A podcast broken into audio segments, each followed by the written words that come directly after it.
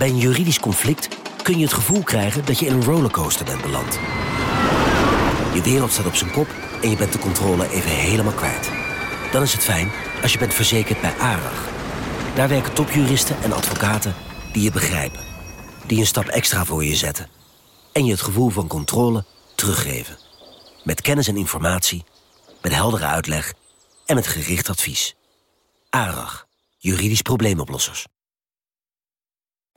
Een maatschappij waarin iedereen meedoet. Een gezonde, groene en rechtvaardige wereld. Daar willen jij en heel veel andere mensen best iets aan bijdragen. In het klein en in het groot. Dicht bij huis en ver weg.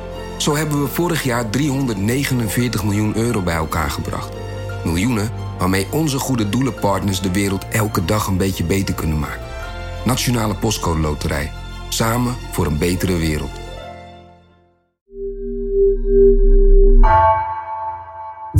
Vanaf de redactie van NRC het verhaal van vandaag. Mijn naam is Geertje Tunter.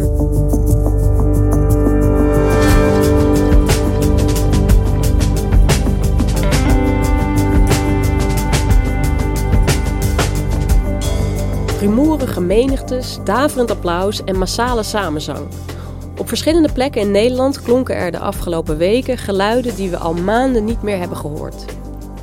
In zogenoemde field labs wordt onderzocht hoe evenementen zoals concerten of voetbalwedstrijden straks coronaproof kunnen plaatsvinden. Redacteur Pim van der Doel was erbij en zag hoe dat in zijn werk ging.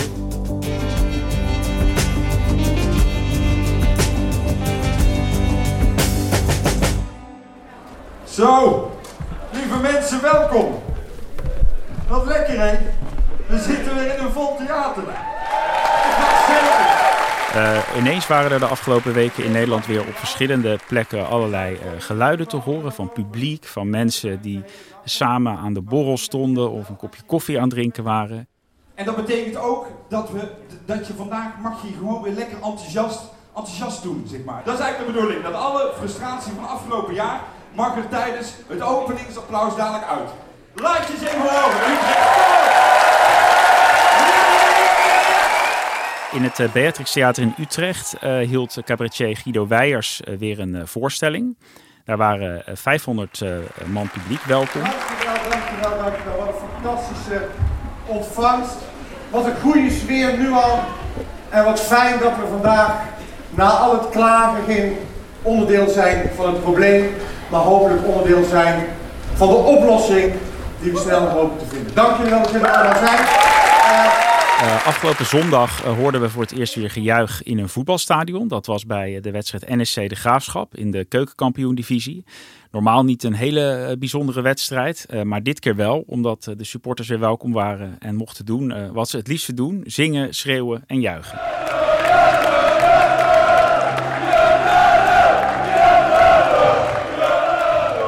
Hoe kan het dat deze evenementen nu plaatsvinden, midden in een lockdown? Ja, nou dit zijn proefevenementen uh, die eigenlijk heel lang uh, zijn voorbereid. En ze worden de, de Field Labs genoemd. en de, de komende weken gaan er nog meer plaatsvinden op verschillende plekken in Nederland. en het doel daarvan is nou ja, om te onderzoeken hoe evenementen, ook straks als we nog met corona zitten, toch weer veilig kunnen plaatsvinden. Jij bent ook bij een van deze proefevenementen geweest. Waar, waar was dat? We waren met NRC bij de eerste drie uh, proefevenementen aanwezig. Uh, mijn collega Sjoerd Klumpenaar was bij de voetbalwedstrijd. Collega Rahul Gandola Hagen was bij de voorstelling van Guido Weijers. En ik was zelf op het aftrapcongres in Utrecht. waar ook 500 mensen aanwezig waren. Dat was eigenlijk de officiële aftrap van de Field Labs van dit hele experiment. En nou ja, het was bijzonder om daar weer tussen honderden mensen te staan. Eigenlijk voor het eerst in een jaar tijd. Ja, kan ik me wel goed voorstellen dat dat heel bijzonder is. Heel, misschien een beetje raar zelfs. Ja, nou, het grappige was dat heel veel mensen die uh, zeiden van het, het, is wel een beetje wennen in het begin. Uh, dat je weer uh, zo dicht bij elkaar staat en, en, weer staat te kletsen op de ouderwetse manier of staat te borrelen aan het eind van de dag. het bijzondere ook aan de Field Labs is dat het bijvoorbeeld heel uitdrukkelijk de bedoeling is om geen anderhalve meter afstand meer te houden. Dus iedereen die daar was, ja, die mocht die afstand ook loslaten. Ja, dat is wel heel raar hoor, moet ik zeggen. Ja, ja? het is wel gek. Uh, maar uh, ik uh, kan hier heel gauw weer aan wennen. Ja, dat wel hè? ja, maar wat me ook opviel, is dat heel veel bezoekers ook zeiden: dit went ook heel snel weer. Nou, het is, in het begin dacht ik wel van nou, dat zal wel weer raar zijn als je met zoveel mensen bijeen bent. Maar het voelt eigenlijk heel normaal. Ja, ja, wel hè? ja, toch wel weer snel dat je weer terug bent uh, bij... Uh, het bent snel misschien ja, weer. Ja. Oude normaal. En um, uh, Pim, waarom vinden deze evenementen nou nu plaats? Waar, waar hebben deze Field Labs aan te danken? Nou, er wordt al heel lang over gesproken. Eigenlijk al uh, sinds vorig voorjaar, toen Nederland voor het eerst in lockdown ging. Toen ging de evenementsector nadenken van ja, hoe kunnen we hè, nu straks toch weer evenementen organiseren. Ik sprak op het congres in Utrecht ook met een van de initiatiefnemers, Marcel Elbertsen. Hij is zelf een evenementenbouwer en heeft onder andere bij danceorganisatie IDT gewerkt. Toen 15 maart premier Rutte aangaf hè, dat we dus in de intelligente lockdown kwamen toen zijn we eigenlijk gelijk bij elkaar gaan zitten. En daarbij hebben wij gekozen als branche om niet met z'n allen naar het Malieveld te gaan, maar om te zoeken naar oplossingen. En waarom wilde de evenementensector dit zo graag? Nou, de belangrijkste reden is omdat ze af willen van die anderhalve meter. Nou ja, het doel van het Field Lab is om de capaciteit te verhogen en om die anderhalve meter los te laten. En om dat te kunnen is het belangrijk dat we, dat we aantonen dat het risico verlaagd is. Je herinnert je misschien nog wel dat vorig jaar zomer kwamen er wel feestjes op anderhalve meter. De bioscopen en de theaters mochten open op anderhalve meter. Maar goed, uiteindelijk kan je dan zo weinig bezoekers ontvangen. En zijn er zoveel beperkingen die ook eigenlijk uh, de, de ervaring van de bezoekers ja, uh, niet, niet, niet leuker, maar eerder slechter maken. Uh, dat de evenementsector al heel lang dacht, nou we moeten van die anderhalve meter af. Hoe kunnen we dat veilig doen? En toen zijn zij in gesprek gegaan met de overheid over het opzetten van deze experimenten. Maar goed, hoge besmettingscijfers, hoge ziekenhuiscijfers, de overheid durft het heel lang niet aan. Er is ook heel veel angst is er, maar ook beeldvorming, zoals dat steeds genoemd werd. wat zij lastig vinden als zij de evenementenbranche dus bepaalde mogelijkheden geven om weer dingen te gaan, te gaan doen dan schept dat uh, verwachting bij de anderen. Uh, bij de horeca of bij, uh, bij andere branches. Dus daar waren ze heel voorzichtig in. Toen zou het eerst in de zomer komen en daarna in het najaar. Maar eigenlijk bleef de overheid huiverig en bleef het maar uitstellen. waardoor ja, het uiteindelijk tot begin dit jaar geduurd heeft voordat er echt groen licht kwam. Ja, maar we zitten nu nog steeds in een zware lockdown. En um, nu zijn die evenementen wel toegestaan. Hoe is dat dan zo gekomen? Ja, dat is eigenlijk heel opmerkelijk. We zitten in de zwaarste lockdown tot nu toe. Uh, zelfs met een avondklok en al. En toch uh, heeft het de overheid nu gezegd, we moeten toch die experimenten beginnen. En de evenementenbranche die, die proeft ook echt een soort andere houding bij, bij de overheid. Um, en dat de overheid ook heeft gezegd van ja, we moeten nu eenmaal weer gaan kijken hoe we straks meer mogelijk kunnen maken. Hoe we straks verder kunnen versoepelen. Dus ondanks het hoge virusniveau staan we dit nu toch toe. Je merkt sowieso uh, bij het kabinet dat ze op een andere manier gaan nadenken over deze crisis. Uh, premier Rutte bijvoorbeeld zei uh, afgelopen week nog op zijn persconferentie dat er echt een nieuwe fase ingaat nu voor Nederland. Daarom denken we nu in een fase te komen waarin we bereid moeten zijn een klein beetje meer risico te nemen. Ja, om toch weer wat meer mogelijk te maken voor sectoren. hey, en hoe werkt het eigenlijk precies zo'n field lab? Want wat wordt er allemaal uh, getest en hoe gaat het precies in zijn werk? Ja, bij alle evenementen zijn heel veel voorzorgsmaatregelen uh, van kracht natuurlijk om ze veilig te laten verlopen. de belangrijkste en de eerste, denk ik, om te noemen, is dat alle aanwezigen van tevoren een test hebben moeten doen. En die moest natuurlijk negatief zijn. Voor het keelmondje mag het hoofd een beetje naar achter draaien, de mond open en A zeggen. 3, 2, 1. Top, dat was hem. Dus dat betekende voor mij, voorafgaand aan het congres bijvoorbeeld, dat je twee dagen van tevoren een afspraak moest hebben voor een PCR-test. En dan bij de deur de negatieve uitslag moest kunnen laten zien. Een extra maatregel was nog dat je temperatuur werd opgemeten. Ook nog voor de zekerheid om de mensen bijvoorbeeld met koorts eruit te halen. Uh, op de evenementen uh, zijn de bezoekers ingedeeld in verschillende uh, bubbels. Um, van verschillende grootte en ook met verschillende gedragsregels. We hebben drie bubbels. De blauwe bubbel. Dan heb je daarachter, dat is de, de, de gele bubbel. En dat daar, oh, Kijk.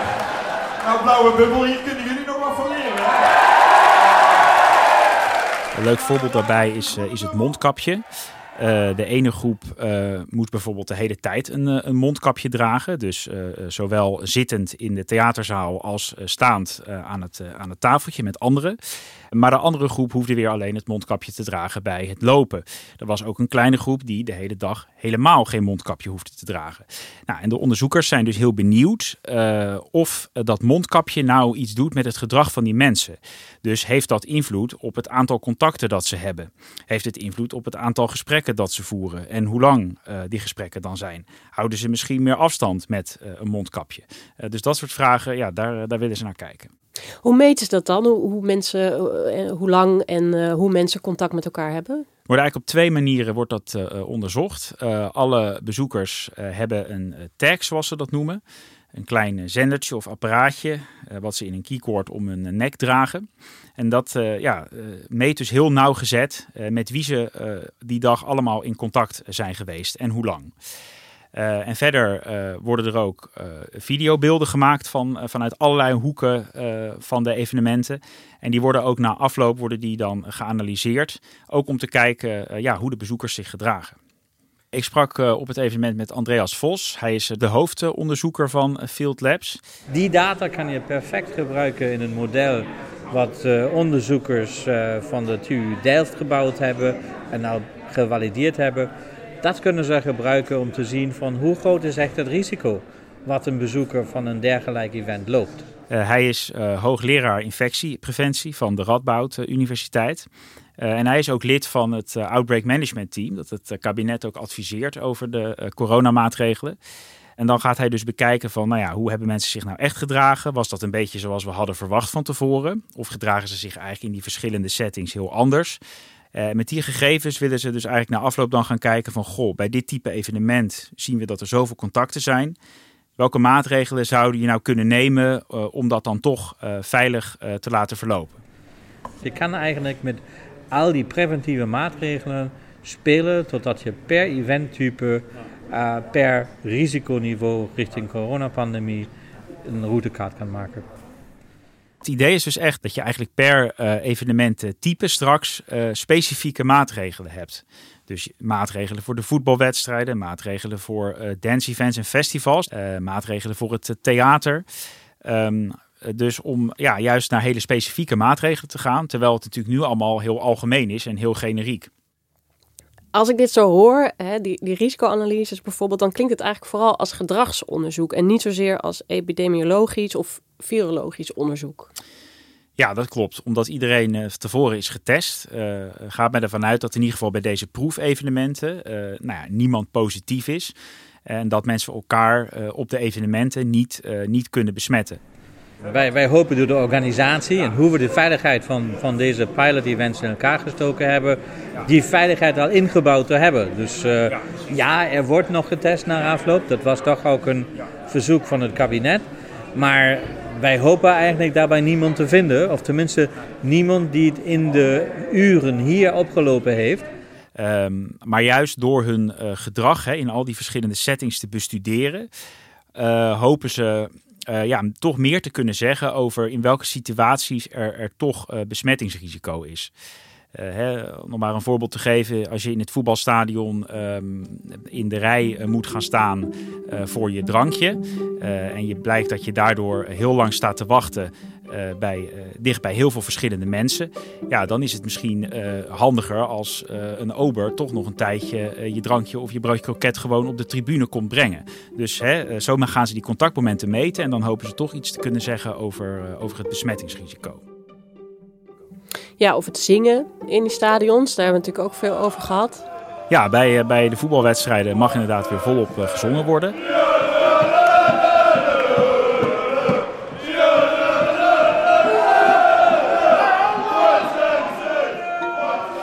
Onderdeel van dit onderzoek is inderdaad ook uh, ja, hoeveel uh, druppels stoten mensen hier nu bij uit. Um, het RIVM heeft altijd gezegd, zingen in voetbalstadions is gevaarlijk. Dus vorig jaar, toen er wel weer publiek welkom was, toen mocht dat eigenlijk niet meer. Maar nu gaan ze dus echt meten van hoe gevaarlijk is dat nou?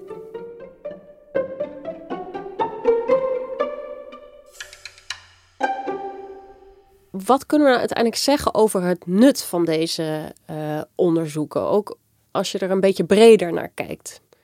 Nou, ik denk dat de field labs echt heel belangrijk zijn eh, voor de evenementensector en de andere sectoren om straks weer uh, meer uh, te kunnen. Dus de resultaten hiervan, ja, die moeten echt voor de cultuur, sport en evenementensector in de komende maanden ja, tot die heropening leiden. En dan op een veilige manier. Dus het is best wel cruciaal, denk ik. We hebben nu dus drie proefevenementen gehad. de voorstelling van Guido Weijers, voetbalwedstrijd en dat congres waar jij bent geweest. Er komen er nog meer, zei je al. Wat voor soort evenementen zijn dat? Ja, er komen eigenlijk uh, nog twee uh, andere uh, type evenementen aan die getest gaan worden. dat zijn de, de, de binnenconcerten in de Ziggo Dome. Daar vindt zowel een pop- als een danceconcert plaats binnenkort. en daarna ook nog festivals, zowel een indoor als een outdoor festival. ja, waar je ze ook dus gaan kijken van, goh, hoe zit het daarna met de bewegingen en de contactmomenten. En in hoeverre denk jij eigenlijk dat je met dit soort proefevenementen echt ja, de, de, de gewone situatie kunt benaderen? Want dat is misschien nog helemaal niet zo makkelijk. Nee, nou, dat is een goede vraag. Ik ga zelf bijvoorbeeld nog naar het dance-event in de Ziggo Dome. En nou ja, op dance events wordt normaal gesproken uh, naast alcohol natuurlijk ook uh, best wat uh, drugs gebruikt. En dan kan ik me voorstellen dat bezoekers een beetje huiverig zijn om naar zo'n proefevenement hun drugs ook mee te nemen. ja. Aan de andere kant, de bedoeling van deze experimenten is om hè, het, het, het, echte gedrag van mensen ter plekke juist zo goed mogelijk na te bootsen. Dus voor het experiment zou het eigenlijk goed zijn als mensen wel gewoon aan de drugs gaan. Dus ik ben als ik daar binnenkort aanwezig ben wel heel benieuwd wat de bezoekers daarop gaan zeggen. En um, wanneer verwachten we resultaten eigenlijk uit deze field labs? Hoe snel um, zijn die er? Ik heb begrepen dat ze verwachten dat uh, ongeveer na twee maanden na een evenement uh, dat helemaal in kaart is gebracht van nou, dit, uh, dit zijn de uitkomsten. En dat de onderzoekers dan ook aanbevelingen kunnen doen voor, ja, voor slimme maatregelen om, om het weer veilig mogelijk te maken. Dus over een maand of twee zullen we de eerste resultaten krijgen. Voor deze proefevenementen worden mensen dus van tevoren getest. Zou je dat dan ook niet gewoon in het echt kunnen doen? Want dan hoef je ook niet meer uh, met al die bubbels en zo uh, aan de gang. Ja, dat zou natuurlijk het mooiste zijn als je voortaan bij ieder evenement iedereen van tevoren kan testen. Maar de vraag is of dat uh, logistiek haalbaar is. Uh, zeker bij hele grote evenementen uh, is het testen van uh, duizenden bezoekers aan de deur bijvoorbeeld heel erg lastig met die sneltesten. Um, dan moet je enorme nou, logistieke operatie opzetten. Misschien is het wel mogelijk om dan mensen twee dagen van tevoren die PCR-test te laten doen. Maar het is ook uh, de bedoeling om uh, bijvoorbeeld uh, in de theaters en de bioscopen, om daar toch te kijken hoe kun je het daar weer veilig doen met slimme maatregelen, zonder dat iedereen van tevoren getest hoeft te worden. En de mensen die jullie gesproken hebben op die evenementen, zagen zij het zitten om straks misschien zo naar een voetbalwedstrijd ja. of naar een theatervoorstelling of naar wat dan ook voor evenementen gaan? Nou, eigenlijk iedereen die ik sprak, die zei: joh, als ik dit van tevoren moet doen, als ik van tevoren een test moet doen, kleine moeite. Als ik dan weer naar een evenement kan, dan uh, wil ik dat dolgraag. Ja, als ik dan wedstrijden kan kijken, prima. Vind ik wel prima deal. Gegeven de omstandigheden waarin we zitten, vind ik dit niet heel veel extra uh, hassle. Ik vind het niet heel vervelend. Elke, elke mogelijkheid die er is, grijpen we toch gewoon aan. En uh, dan moet het, als het niet moet zoals het kan, dan moet het maar zoals het wel. Ja, ja, zeker. Ja, het is uh, na zo'n lange tijd weer eens een keertje naar het theater gaan en uh, een voorstelling willen bijwonen. Dat, uh, daar houden wij van, dat doen we graag. Dus dat alleen al, ook al was het André Rieu geweest of maakt niet uit wie, hadden we het sowieso leuk geweest om weer een uitje te hebben. En eigenlijk valt het allemaal, allemaal reuze mee hoor, dus ik denk dat ik het wel waard vind hoor. Ik heb het er wel voor over. al helemaal als het voor een festival zou zijn bijvoorbeeld. Ja. Ja, dus er is wel wat uh, optimisme. Absoluut. Pim, wat denk je? Zou zo'n onderzoek nu ja, het mogelijk maken om misschien ergens deze zomer naar een festival te kunnen, bijvoorbeeld? Nou, iedereen hoopt dat dat natuurlijk dan weer mogelijk is. Dat is ook echt wel de, de, de opzet en de inzet van deze onderzoeken. Uh, ik sta zelf ook altijd graag op festivals, dus ik kijk er zelf ook weer uh, enorm uh, naar uit. Maar het gaat er ook wel om spannen, denk ik. Want inderdaad, komen de onderzoeksresultaten op tijd? Zijn er dan genoeg mensen gevaccineerd? Hebben we dan genoeg testen? Durft het kabinet het aan? Dat zijn toch nog wel vragen, ja, die, die niet beantwoord zijn. Dus het kan nog wel spannend worden ook. Maar goed, ik heb goede hoop dat we toch weer staan te dansen deze zomer.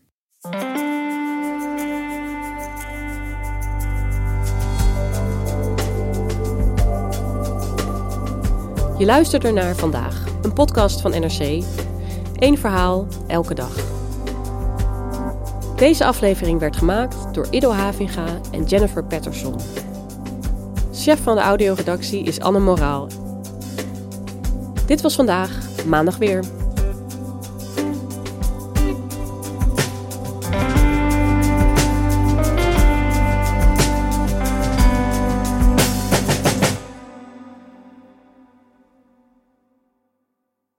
Je hebt aardig wat vermogen opgebouwd. En daar zit je dan, met je ton op de bank. Wel een beetje saai, hè? Wil jij, als belegger, onderdeel zijn van het verleden of van de toekomst? Bridgefund is een slimme fintech die een brug slaat tussen de financiële behoeften van ondernemers en van beleggers. Dus wie belegt bij Bridgefund krijgt niet alleen een mooie vaste rente, maar brengt ook ondernemers in beweging. Echt waar, met die ton kan je zoveel betere dingen doen. Bridgefund. Make money smile.